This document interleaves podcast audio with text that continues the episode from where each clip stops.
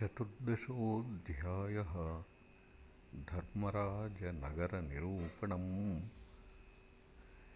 गरुड उवाच यमलोकः कियान्मार्गः कीदृशः केन निर्मितः? सभा च कीदृशी तस्यां धर्म आस्ते च कैः सह ये धर्ममार्गैर्गच्छन्ति धार्मिका धर्ममन्दिरं तान् धर्मानपि मार्गांश्च। ममाख्याहिदयानिधे। श्रीभगवानुवाच शृणुतार्क्ष्यप्रवक्ष्यामि यद्गम्यं नारदादिभिः। तद्धर्मनगरं दिव्यं महापुण्यैरवाप्यते।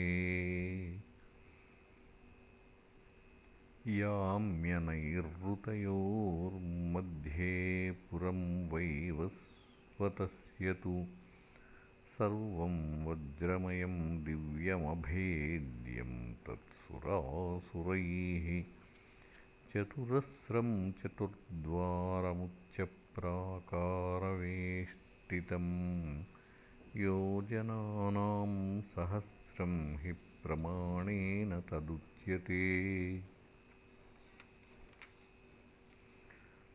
तस्मिन् पुरेऽस्ति सुभगं चित्रगुप्तस्य मन्दिरम्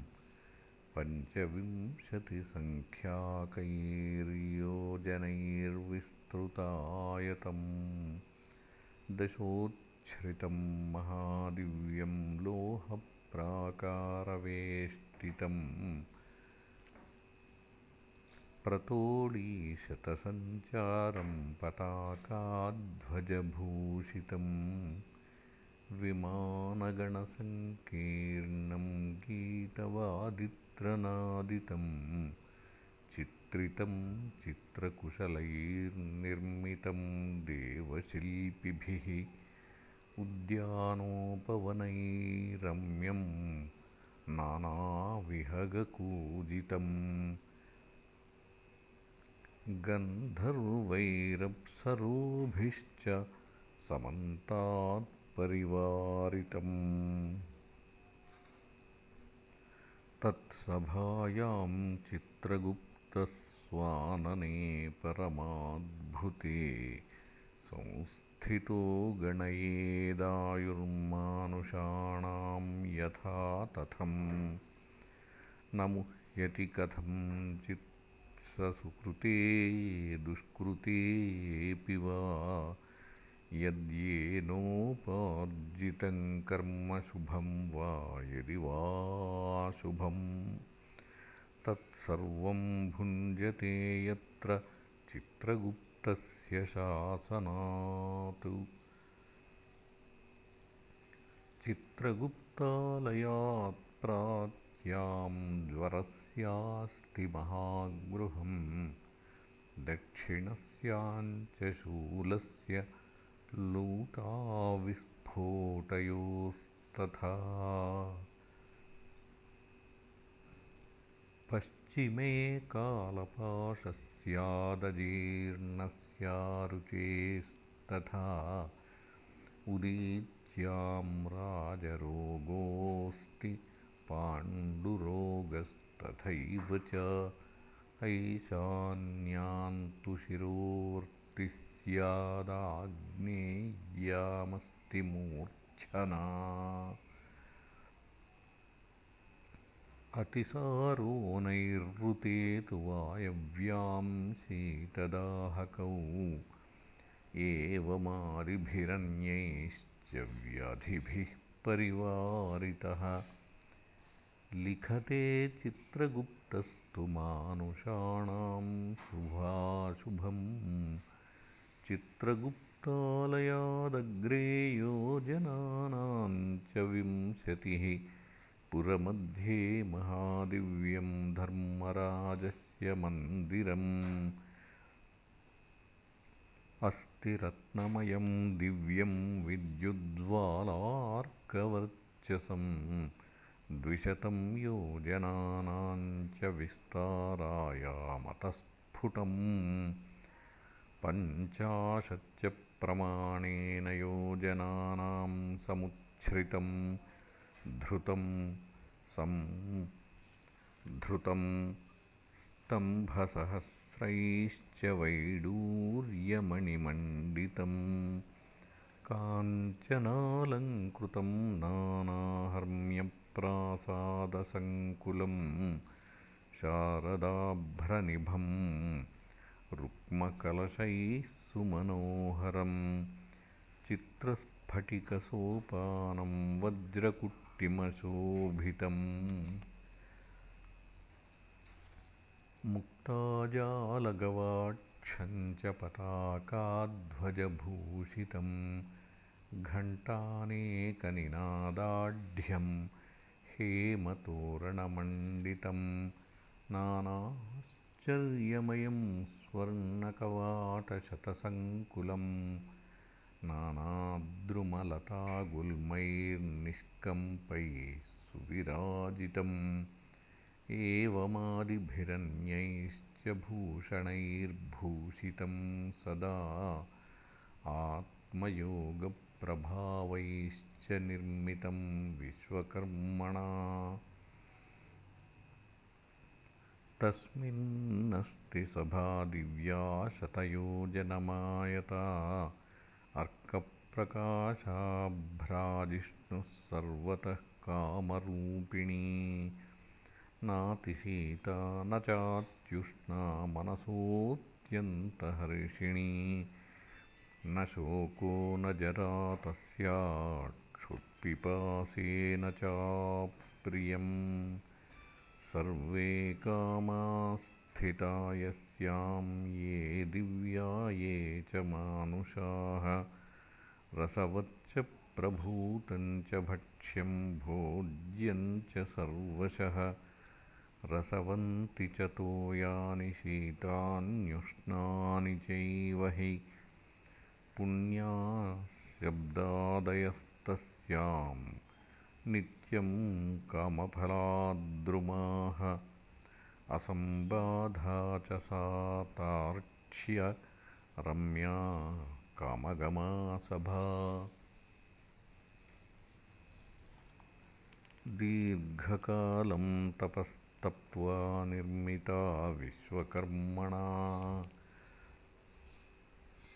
तामुग्रतपसो यान्ति सुव्रताः सत्यवादिनः शान्ताः सन्न्यासिनः सिद्धाः पूताः पूर्वेण कर्मणा। सर्वे भास्वरदेहाः तेऽलङ्कृता विरजाम्बराः। स्वकृतैः कर्मभिः पुण्यैस्तत्र तिष्ठन्ति भूषिताः तस्यां स धर्मो भगवानासनेऽनुपमे शुभे दशयोजनविस्तीर्णे सर्वरत्नैः सुमण्डिते। उपविष्टः सतां श्रेष्ठश्छत्रशोभितमस्तकः कुण्डलालङ्कृतश्रीमान्महामकुटमण्डितः सर्वालङ्कारसंयुक्तो नीलमेघसमप्रभः वालव्यजनहस्ताभिरप्सरोभिश्च वीजितः। गन्धर्वाणां समूहाश्च सङ्घषश्चासरोगणाः गीतवादित्रनृत्याद्यैः परितः सेवयन्ति तं। मृत्युना पाशहस्तेन कालेन च बलीयसा चित्रगुप्तेन चित्रेण कृतान्तेन निषेवितः। पाशदण्डधरैरुग्रैर्निदेशवशवर्तिभिः आत्मतुल्यबलैर्नानासुभटैः परिवारितः अग्निष्वात्ताश्च पितरः सोमपाश्चोष्मपाश्च ये स्वधावन्तो बर्हिषदो मूर्तामूर्ताश्च ये खग। आर्यमाद्याः पितृगणामूर्तिमन्तस्तथा परे सर्वे ते मुनिभिः सार्धं धर्मराजमुपासते। अत्रिर्वसिष्ठः पुलहो दक्षः क्रतुरथाङ्गिराः जामदग्न्यो भृगुश्चैव पुलस्त्योगस्त्यनारदाः एते चान्ये च बहवः पितृराजसभासदः।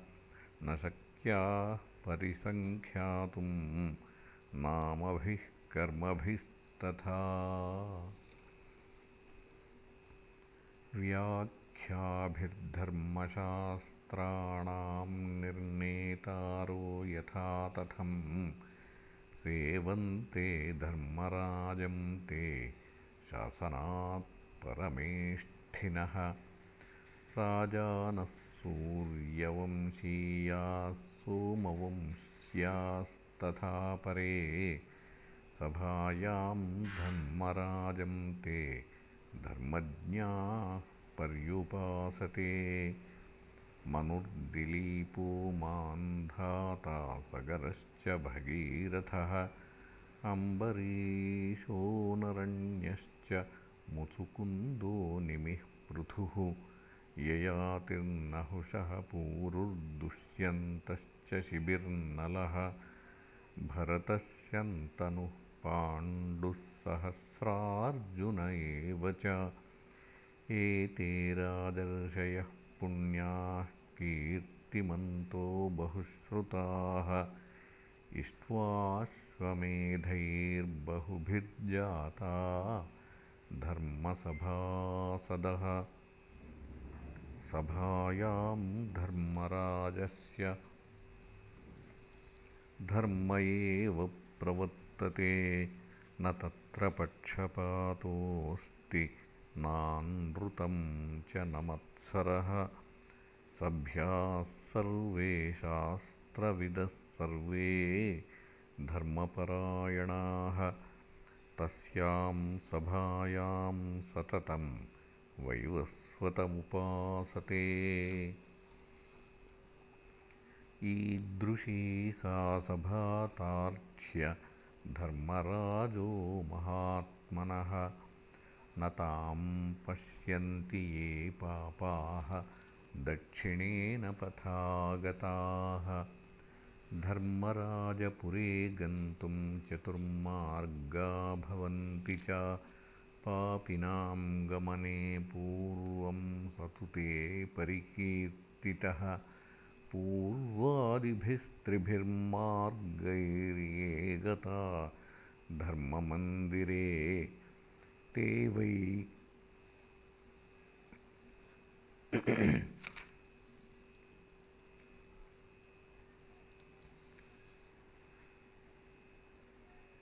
ते वै सुकृतिनः पुण्यैस्तस्यां गच्छन्ति तान् शृणु।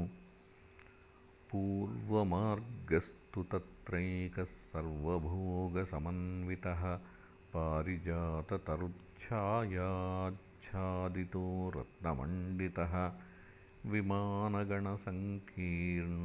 हंसावलिविराजितः विध्रुमारामसङ्कीर्णः पीयूषद्रवसंयुतः तेन ब्रह्मर्षयो यान्ति पुण्या राजर्षयोमलाः अप्सरो गणगन्धर्वविद्याधरमहोरगाः। देवताराधकाश्चान्ये शिवभक्तिपरायणाः। ग्रीष्मे प्रसादानरताः। माघे काष्ठप्रदायिनः विश्रामयन्ति वर्षासु विरक्ताः तान् दानमानतः दुःखितस्यामृतं ब्रूते ददते ह्याश्रमन्तु ये। सत्यधर्मरता ये च क्रोधलोभविवर्जिताः पितृमातृषु ये भक्ता गुरुशुश्रूषणे रताः भूमिदा गृहदा गोदा विद्यादानप्रदायकाः पुराणवक्तृश्रोतारः पारायणपरायणाः एते सुकृतिनश्चान्ये पूर्वद्वारे विशन्ति च यान्ति धर्मसभायां ते सुशीलाः शुद्धबुद्धयः द्वितीयस्तूत्तरो मार्गो महारथशतैर्वृतः नरयानसमायुक्तो हरिचन्दनमण्डितः हंससारससङ्कीर्णश्चक्रवाकोपशोभितः अमृतद्रवसम्पूर्णस्तत्र भाति सरोवरः। अनेन वैदिका यान्ति तथाभ्यागतपूजकाः दुर्गाभान्वोश्च ये भक्तास्तीर्थस्नाताश्च पर्वसु। ये मृता धर्मसङ्ग्रामेन शनेन मृताश्च ये। वाराणस्यां गोग्रहे च तीर्थतो ये मृता विधेः ब्राह्मणार्थे स्वामिकार्ये तीर्थक्षेत्रेषु ये मृताः ये मृता देवविध्वंसे। योगाभ्यासेन ये मृताः सत्पात्रपूजका नित्यम् महादानरताश्च ये प्रविशन्त्युत्तरे द्वारे यान्ति धर्मसभाञ्च ते तृतीयः पश्चिमो मार्गो रत्नमन्दिरमण्डितः। सुधारससदा पूर्णदीर्घिकाभिर्विराजितः ऐरावतकुलोद्भूतमत्तमातङ्गसङ्कुलः। उच्चैश्रव उच्चैश्रवत्समुत्पन्नहयरत्नसमुन्नतः एतेनात्मपरायान्ति सच्छास्त्रपरिचिन्तकाः। अनन्यविष्णुभक्ताश्च गायत्रीमन्त्रजापकाः। परहिंसापरद्रव्यपरदारपराङ्मुखाः स्वदारनिरताः सन्तः साग्निका वेदपाठकाः ब्रह्मचर्यव्रतधरा वानप्रस्थास्तपस्विनः श्रीपादसन्न्यासपराः समलोष्टाश्मकाञ्चनाः ज्ञानवैराग्यसम्पन्नाः सर्वभूतहिते रताः शिवविष्णुव्रतकराः कर्मब्रह्मसमर्पकाः ऋणैस्त्रिभिर्विनिर्मुक्ताः पञ्चयज्ञरताः सदा पितॄणां श्राद्धदातारः काले सन्ध्यामुपासकाः नीचसङ्गविनिर्मुक्ताः सत्सङ्गतिपरायणाः। एतेऽप्सरोगणैर्युक्ता विमानवरसंस्थिताः सुधापानं प्रकुर्वन्तो यान्ति ते धर्ममन्दिरं विशन्ति पश्चिमद्वारे यान्ति धर्मसभान्तरे।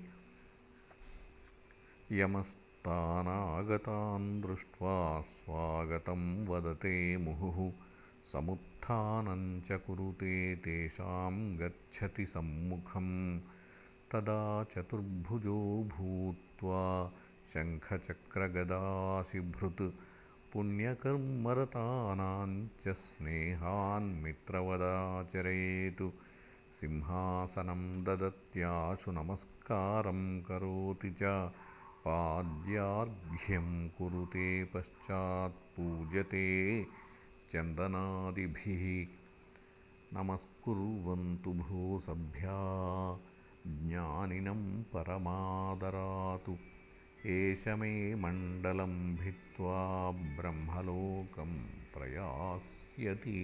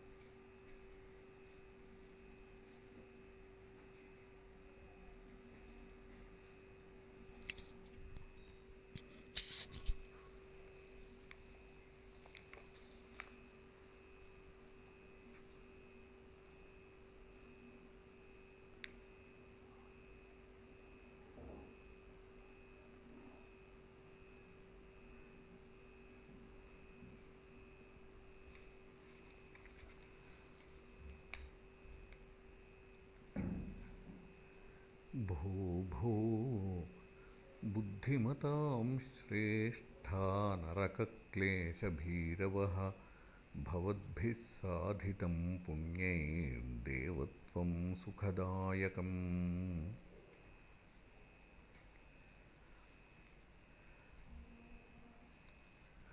नमस्कुर्वन्तु भो सभ्या ज्ञानिनं परमादरातु एष मे मण्डलं भित्त्वा ब्रह्मलोकं प्रयास्यति। भो भो बुद्धिमतां श्रेष्ठा नरकक्लेशभीरवः भवद्भिः साधितं पुण्यैर्देवत्वं सुखदायकम्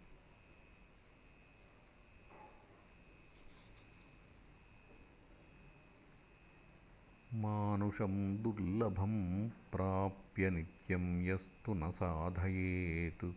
स याति नरकं घोरं कोऽन्यस्तस्मादचेतनः।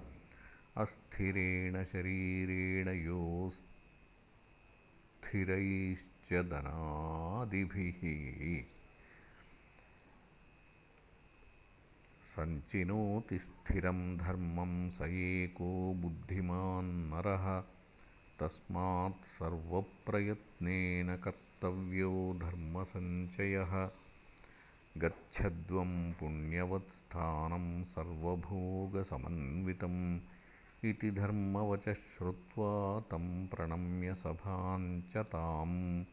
अमरैः पूज्यमानास्ते स्तूयमाना मुनीश्वरैः विमानगणसङ्कीर्णाः प्रयान्ति परमं पदम् केचिद्धर्मसभायां हि तिष्ठन्ति परमादरात्। उषित्वा तत्र कल्पान्तं भुक्त्वा भोगानमानुषान्। प्राप्नोति पुण्यशेषेण मानुष्यं पुण्यदर्शनं। महाधनी च सर्वज्ञः सर्वशास्त्रविशारदः। पुनः स्वात्मविचारेण ततो याति पराङ्गतिम्।